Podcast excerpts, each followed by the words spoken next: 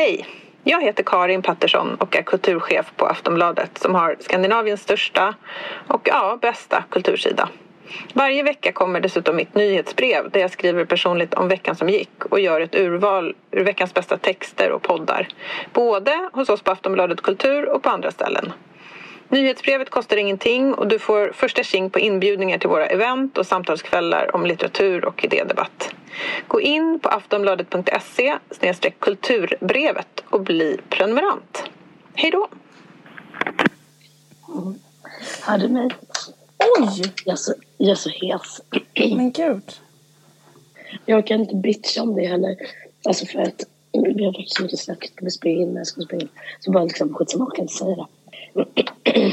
Men du, ska vi sätta igång? Ja, vi gör det.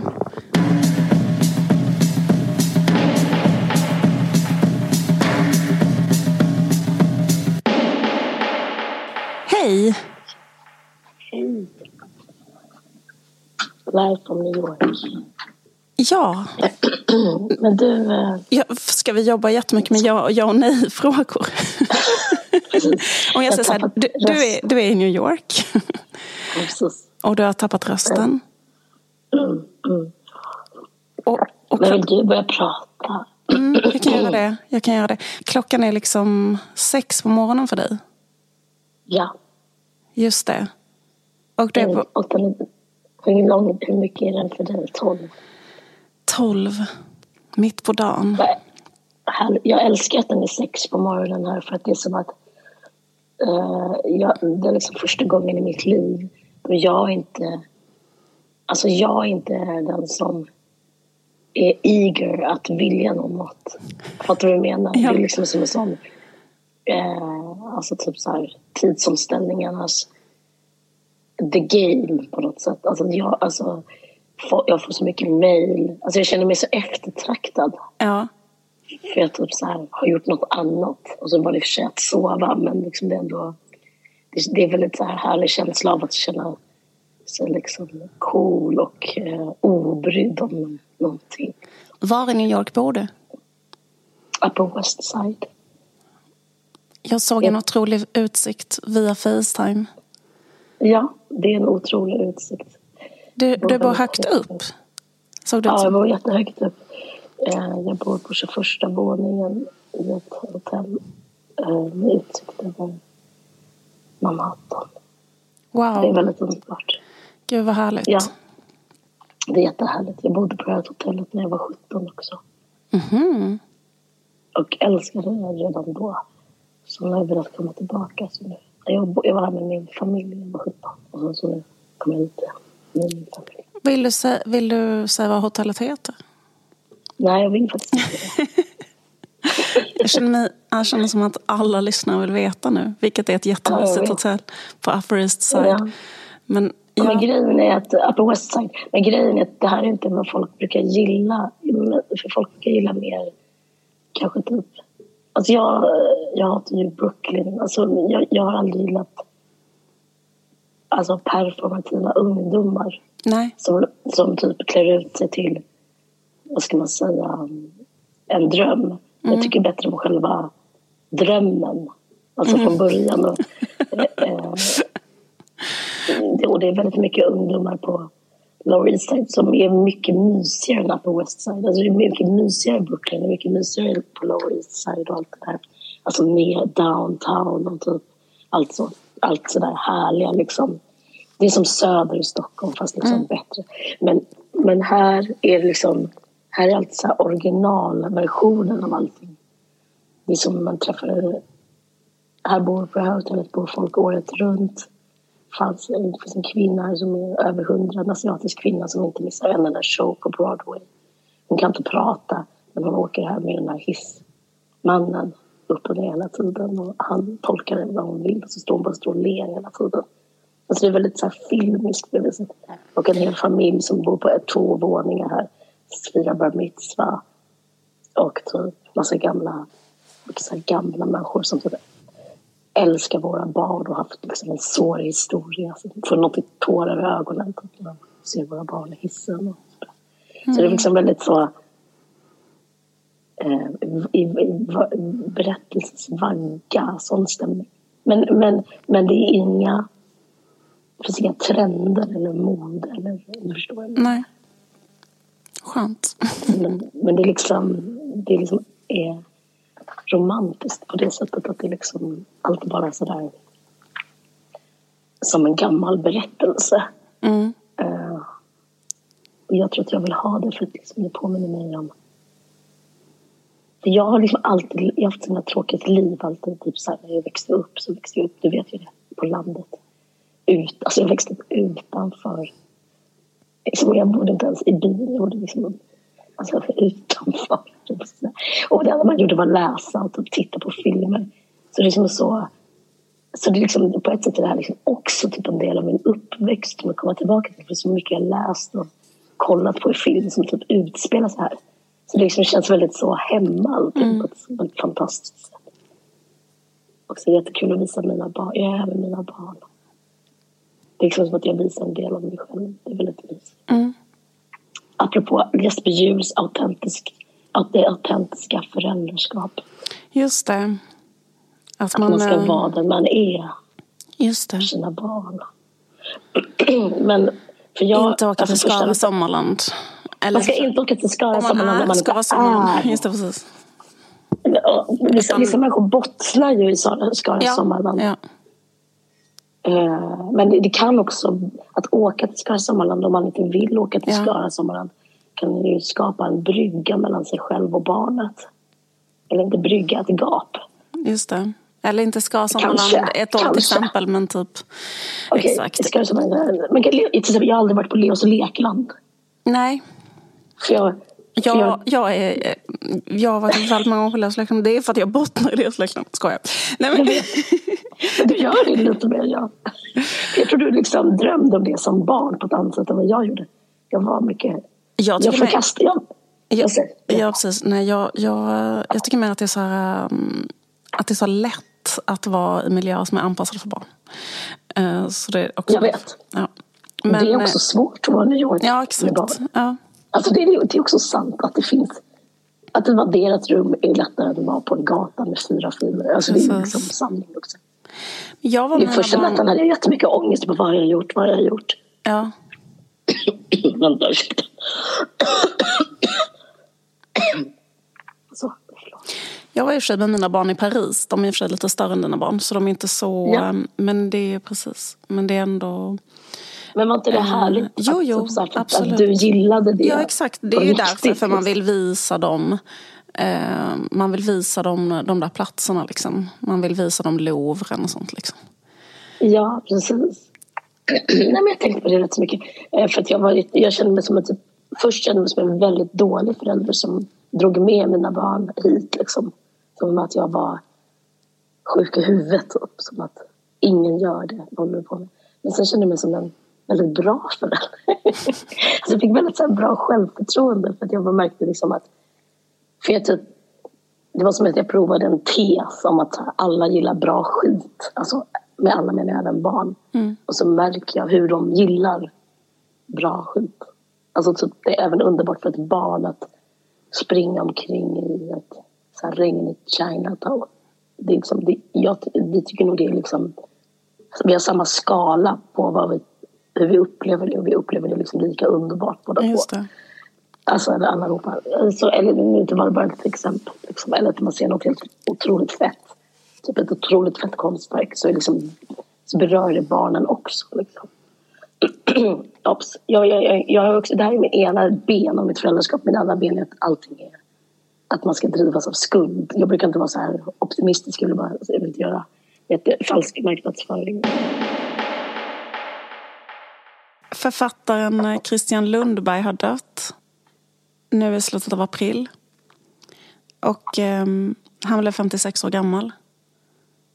Och eh, den sista boken han skrev hette Sånger vid avgrunden. Och den kom ut 2021. Och den handlar om ehm, eh, att liksom leva som missbrukare typ i Malmö. Eh, och eh, vet du att han skrev 40 böcker under sitt liv? Är inte det mycket? Så mycket. Så mycket. Och um, nu så, jag vet inte, jag har inte läst allt men jag har liksom så bläddrat igenom, bara tittat lite på vissa, eller liksom ofrivilligt konfronterats med olika små runor som folk har skrivit av hans liv och sådär. Och så blivit så här uh, väldigt uh, irriterad över de runorna. Japs, same. Uh, och det känns som att de har liksom handlat om på något sätt så här, hans typ moral, liksom personliga moral och tagit upp många så misstag han har gjort i sitt liv och jag vet inte. Um,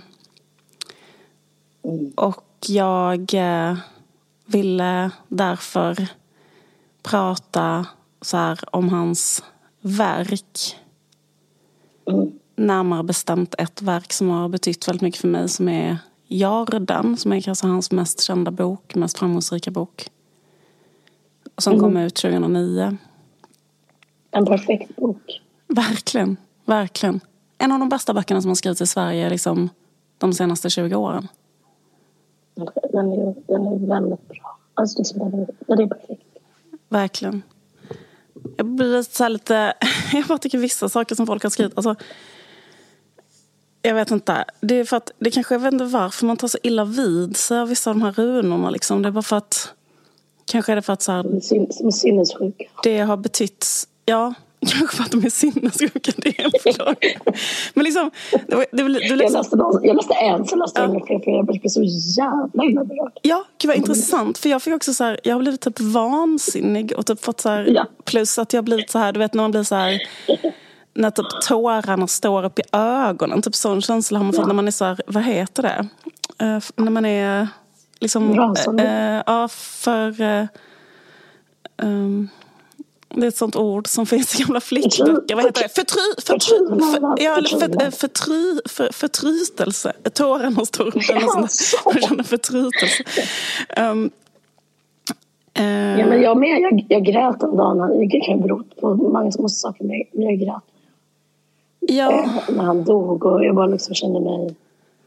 Eh, och, sen, och det var väldigt svårt då att mötas upp av, av ingenting. Eller liksom Verkligen. nästan en lögn. Jag vet. Jag känner lögn omkring. Eller liksom så här meningslösheter. Typ så att folk ska så hänga upp sig på så att till exempel att jag tänker på så irriterad på att folk ska, liksom ska nämna eller skriva att han var katolik till exempel.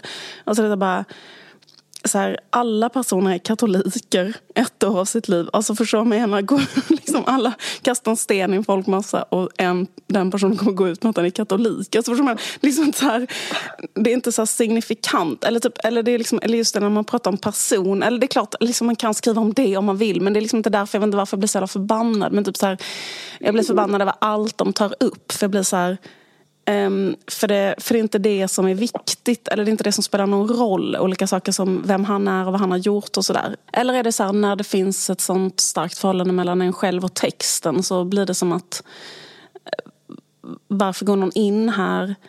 Eh, jag blir liksom, eh, det var också, jag vet inte, jag tycker det sjukaste var, alltså i Expressen stod det så här Din dumbom som dog vid 56.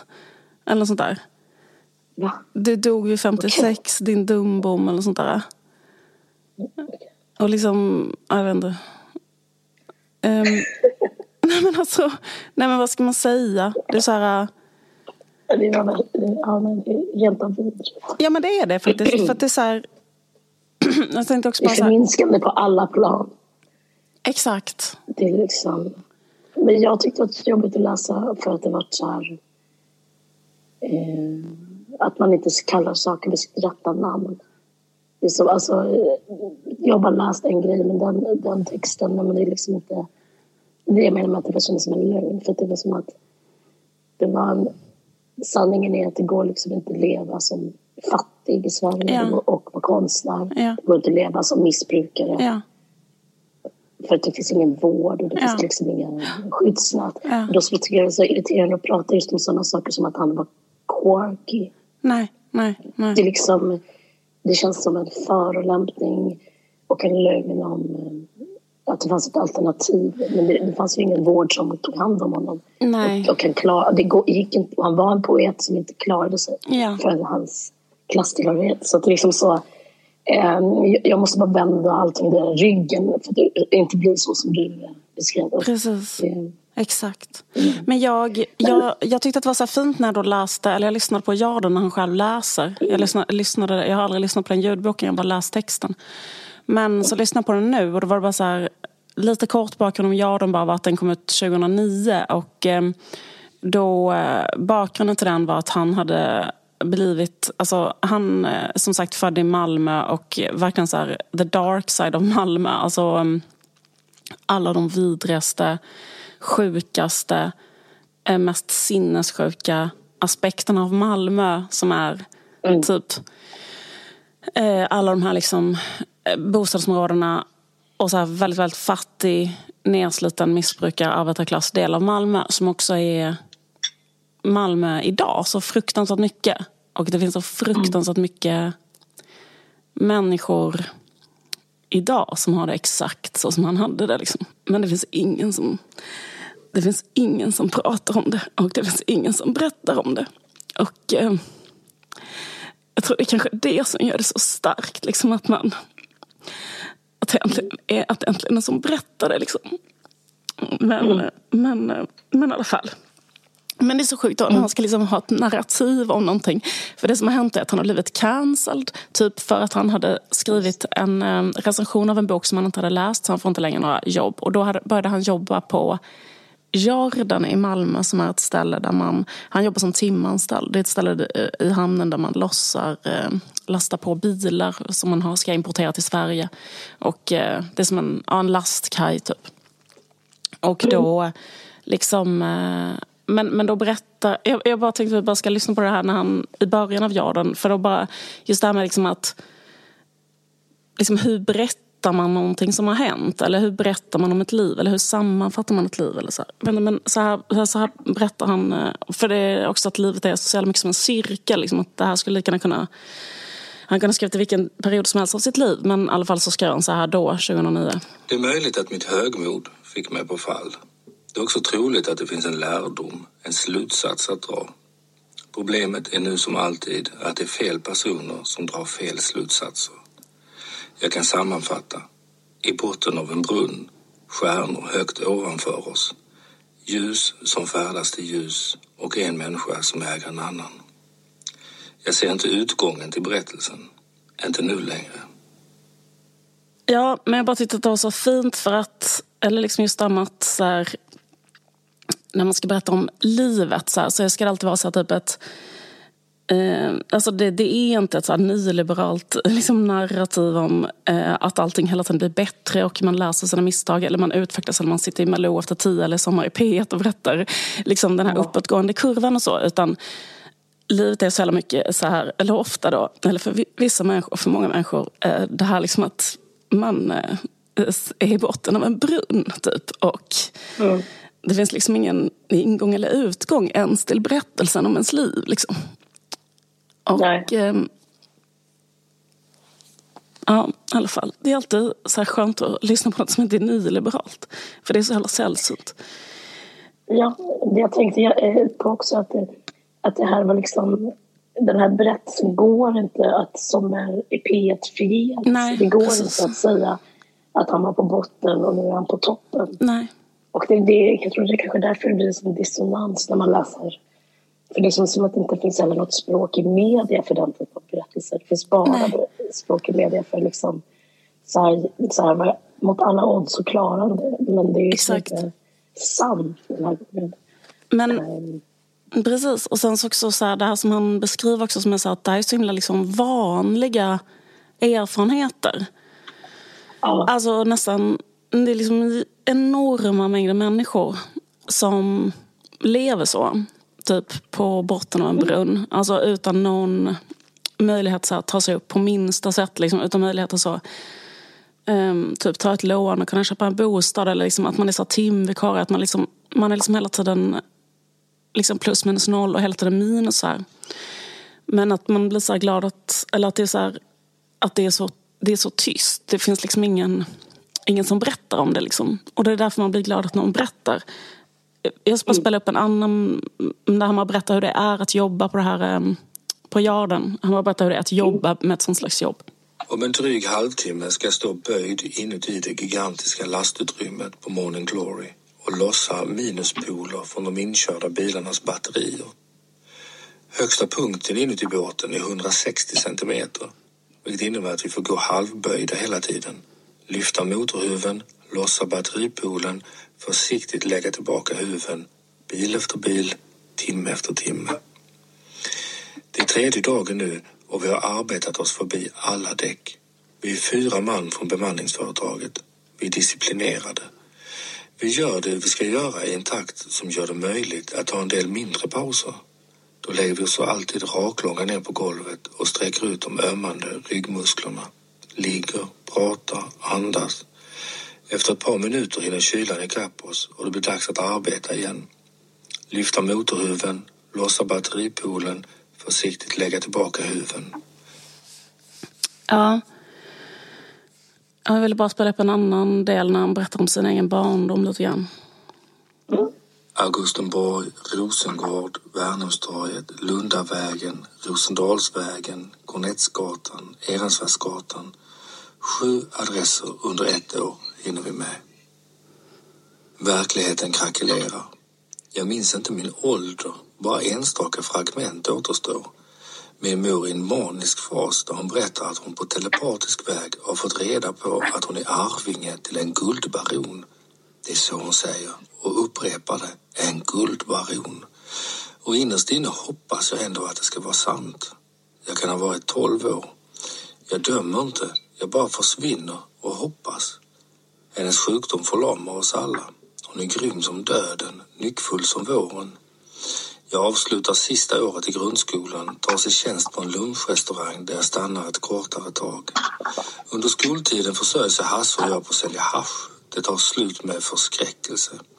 Vi har fått delar av Bosse Knäs lager och vi ska sälja på kommission. Vi röker upp allt på fyra dagar.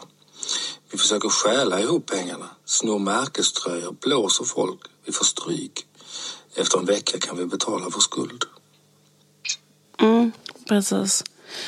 Varför dog du vid 56, din dumbo? Eller alltså var det bara så här helt Ja, han var vansinnigt? så korkig. För det handlar, eller det liksom skriver han också om typ hur alla som han umgicks med redan har dött. Alltså, jag menar för så är det ju när man, liksom, vad ska man säga, typ de svagaste personerna i ens bekantskapskrets liksom dog av så tidigt. Liksom, det, det är ju så, men det är liksom, och då är det så jävla konstigt att liksom typ anklaga någon eller jag vet inte fan. Eller liksom bara, jag, jag tror bara det handlar om liksom den där liksom typ, totala liksom oförståelsen för hur det är. För att jag menar, Ja. jag, liksom att det finns en klass, alltså de som skriver och berättar och beskriver allting och så. Och att de är liksom totalt isolerade från den här klassen. Och jag vet inte. Jag bara tänker på som, hur det är i Malmö, typ att det är så här, eller han beskriver det med att vara timanställd och så. Men menar, inte bara i Malmö så är det i alla st- städer. Liksom. Men bara så hur verkligheten är för så många människor. Jag typ åkt taxi nu bara. Och eh, som alla vet så är liksom taxibranschen i Malmö så avreglerad. Så att det är väldigt många människor som kör taxi i kanske 12 timmar om dagen och får kanske ingen, inga, inget betalt för det. Alltså man kör på provision. Så det kan vara att man kör 12 timmar och får 100 kronor kanske. Eller sånt där. Alltså det kan vara så att man inte får några körningar och sådär.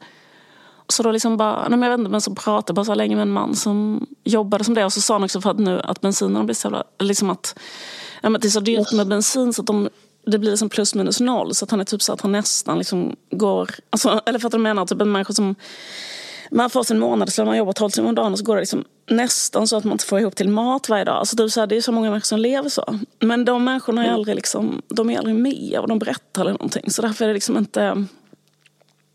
Så därför är det liksom en helt annan eh, verklighet hela tiden som bara är den som, som tas upp. Liksom. Och, ehm, Men också så handlar det, den här boken jätte, jätte, jättemycket om att skriva. Liksom. Det är nästan det den handlar om mest. Mm. Det grejen är att äh, det ovanliga med Jordan är att den är så otroligt, äh, som man säga, den är så, den är, den är så lätt skriven. Eller lätt Ja. kan man säga så. Att den, den är så på den är, mm, liksom, sätter aldrig ner liksom en hel så stor fot någonstans utan Nej. bara liksom lätt så, så dansar den genom ett mörker. Så det är liksom väldigt så... Jag upplever en slags jublande känsla av att läsa den boken. Som att jag... eh, Alltså ett glädjerus i, i... Kanske också som du säger att av en miljon berättelser så berättas det aldrig den här Nej. berättelsen. Så liksom bara det liksom glädjen över det men också... Jag tror inte alla kan göra det. Det är en otroligt ovanlig kombination av Exakt. att vara mega begåvad och ha ett ärende på något sätt som typ, ingen har. Liksom. Nej, precis. är, ja, eh, den, han, är, han är väldigt bra med språk, eller var väldigt bra med språket. Liksom. Eh, Exakt. Men, ja, nej, men det, det, jag läste hans eh, senaste, eller, eller avskedsbrev nästan i tidningen Faktum. Han sa att han liksom var rädd för att liksom berätta om han kände sig och ber- rädd för liksom, vem han eh, för att han hade en psykos. Och, Alltså det är liksom också, men, eh, och det var precis innan han dog. Men även då var det som att han kunde beskriva vad han var med om.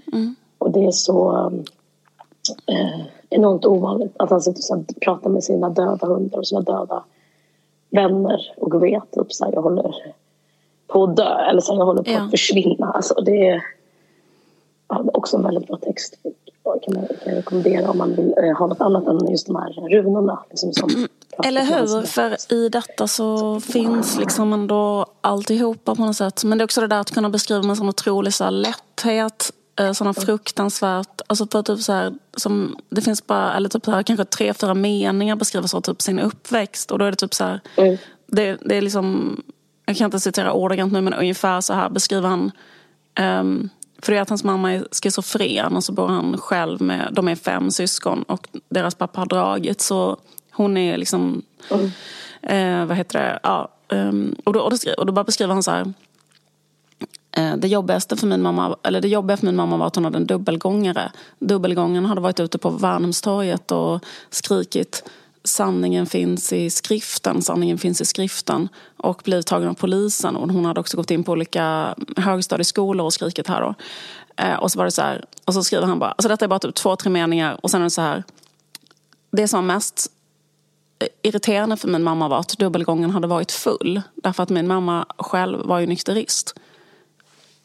Och sen är det bara slut på stycket. Alltså typ att så här, Typ hur mycket man berättar om en... Ehm, om en... eh, om en barndom fast så enkelt och så typ Ja, osentimentalt och bara så på pricken. Alltså så uh, otroligt berättat. Ja, exakt.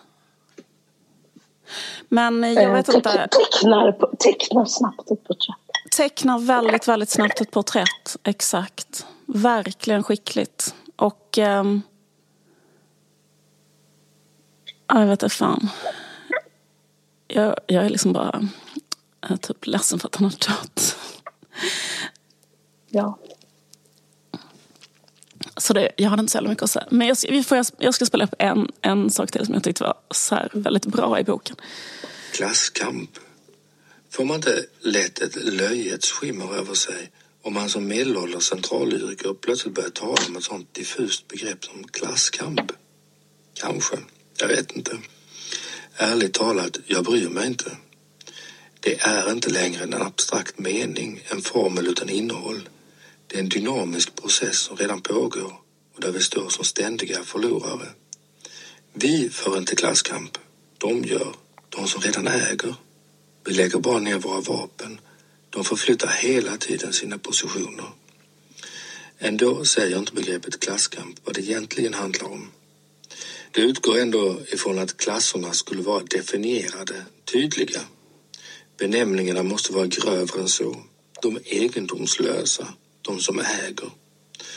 På godsföretaget där jag arbetat ett par nätter den senaste veckan får jag veta att de har avskedat två av de sex fast anställda.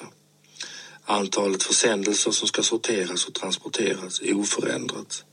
Arbetsbördan blir alltså större och vi toppar som till jul hyr man in extra personal på timmar, sådana som jag. Sådana som jag som gör det möjligt att avskeda fast anställda personer och minimera de fasta kostnaderna. Jag är inlurad i ett system som jag avskyr, som när sig av mig, som jag när mig av. Kan man då vara solidarisk?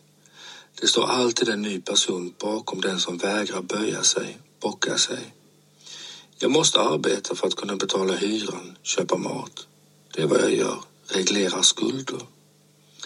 Och efter ett par månader i systemet orkar jag inte längre tänka på att jag ska sammanfatta mina erfarenheter, att jag ska skriva om det som måste uttalas.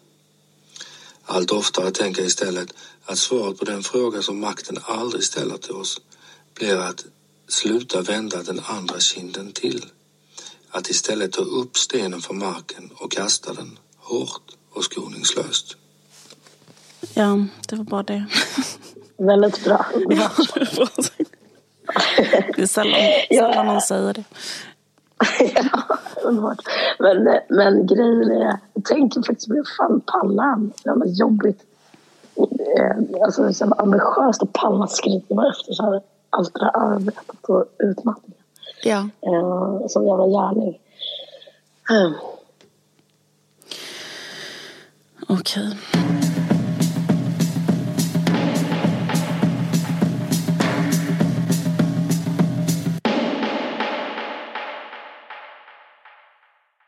Jo, men en sak som jag tänker på när jag det igår så var det Mother's Day, alltså ja. Mors dag. Just det. Det är extremt stort. Det, det för mig, extremt stort i, här. Det är liksom, um, överallt man går så skriker folk efter Happy Mother's Day! Till dig? Liksom för att du har barn? Ja, för att jag har barn. Okej! Okay. Wow! Och, typ, och så är de så överallt så här maybe want something extra for Mother's Day. Och så typ om Niklas gör någonting, kanske öppnar dörren på taxin så det oh, that's good. Better do it, it's Mother's Day. Typ sådär. Mm. Som att de sätter alltid det i kontexten. Jag tänkte på varför det kan vara så. Och, eller så här, det, att, det, att det är så deprimerande att det är så. För det är typ som att... Jag tycker det säger någonting om eh, i Sverige, jag bara tänker i Sverige på mors dag, då är det mycket mer som en sån individualistisk liten uppvisning. Så här, det här är lilla jag och min lilla familj. Och sen så, eh, det är liksom inte kollektivt överhuvudtaget. Jag skulle du beskriva mors dag som kollektivt. Nej, men det är liksom rätt kollektivt här. Men jag tänker att det kanske, alltså att egentligen så berättar det om något som är så deprimerande. Att det är liksom som att alla mödrar har liksom som mödrar hade det förr. Alltså, inte alla mödrar, inte de rika, vita, fria. Men liksom att det finns ändå en sån... Det finns ju ingen child care överhuvudtaget här. Eh, ah. Det, USA är enda landet, enda liksom considered i-landet som inte har betald föräldraförsäkring. Okay. Så då blir det som att mors dag blir som en betalning För att inte man har fått ta hand om sitt barn alls utan var tvungen att jobba. Eller liksom, ja, Och då är det så här, Eller de som har gjort det då får jag måste vara... en blomma på gatan ja. av en tåg. För att det är en så sjuk uppoffring. För att det är en så sjuk uppoffring där. Det är liksom det är liksom mors dag ja. makes sense. Typ, så ja, jag fattar. Det är, liksom, det är som att tacka liksom, krigsveteranerna. Typ. liksom att det är så, någon, som har offrat Verkligen. livet för att inte ha någon inkomst och inte få någon uppskattning. Och, alltså är det sådär? Att det, blir, att det blir ett väldigt... The least we can do är liksom bjuda på det här kaffet. Ni får inte paid liksom, health care, child care och ni får inte parental leave. Men du kan få en gratis kaffe, en blomma på gatan. Um, känna dig liksom som a million dollars när du går ner för gatan. För att liksom, eh, alla vet att det är helt fucked. Typ sån känsla. Eh, men jag läste lite om det, jag ska inte prata mycket om det. Men det är, alltså jag kommer inte säga någon surprise men det är de som lider mest av det. Det är de i svarta mm. afroamerikanska kvinnor de jobbar kanske 17 timmar om dygnet för att träffa sina barn. Mm. Deras barn får liksom inte den attention de behöver. Nej. Och det är liksom, apropå Christian Lundberg, det är liksom samma historia. Mm. De faller in liksom i att försöka skaffa pengar. Alltså jättekortfattat, men jag menar det är liksom ett, det är, det är ett jättestort så här, klass och eh, eh strukturellt rasistiskt problem här. Och också på toppen av det, på toppen av det rosen på tårtan är då mors dag som skriks över hela stan. Grattis!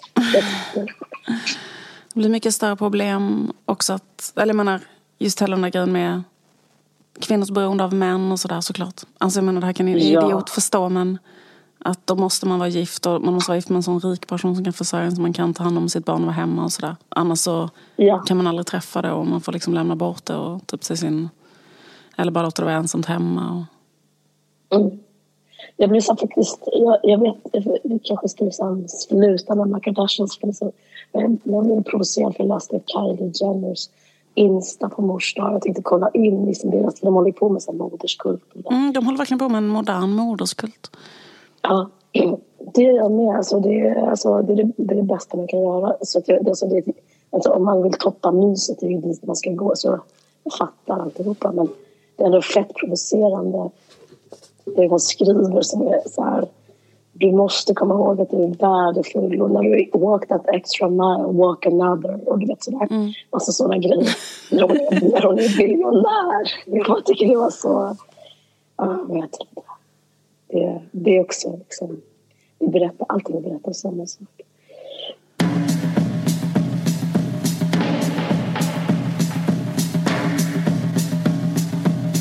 Vi ähm, har en lite, hade en lite kortare podd idag på grund av din hals och äh, våra livssituationer. Våra whereabouts. Våra whereabouts. Ja, men, men äh, det var äh, podden den här veckan. Tack så mycket för att ni lyssnar. Vi hörs igen om två veckor. Tack så mycket för att ni lyssnar och vi hörs. Kasta tillbaka stenen. ja! Blink, blink. Blink, blink. Ciao, på återseende, på återhörande. Ciao från New York. Ja. Okej, okay. vi hörs. Puss, puss. Puss, puss. Hej. Så. Så, okej, okay, perfekt.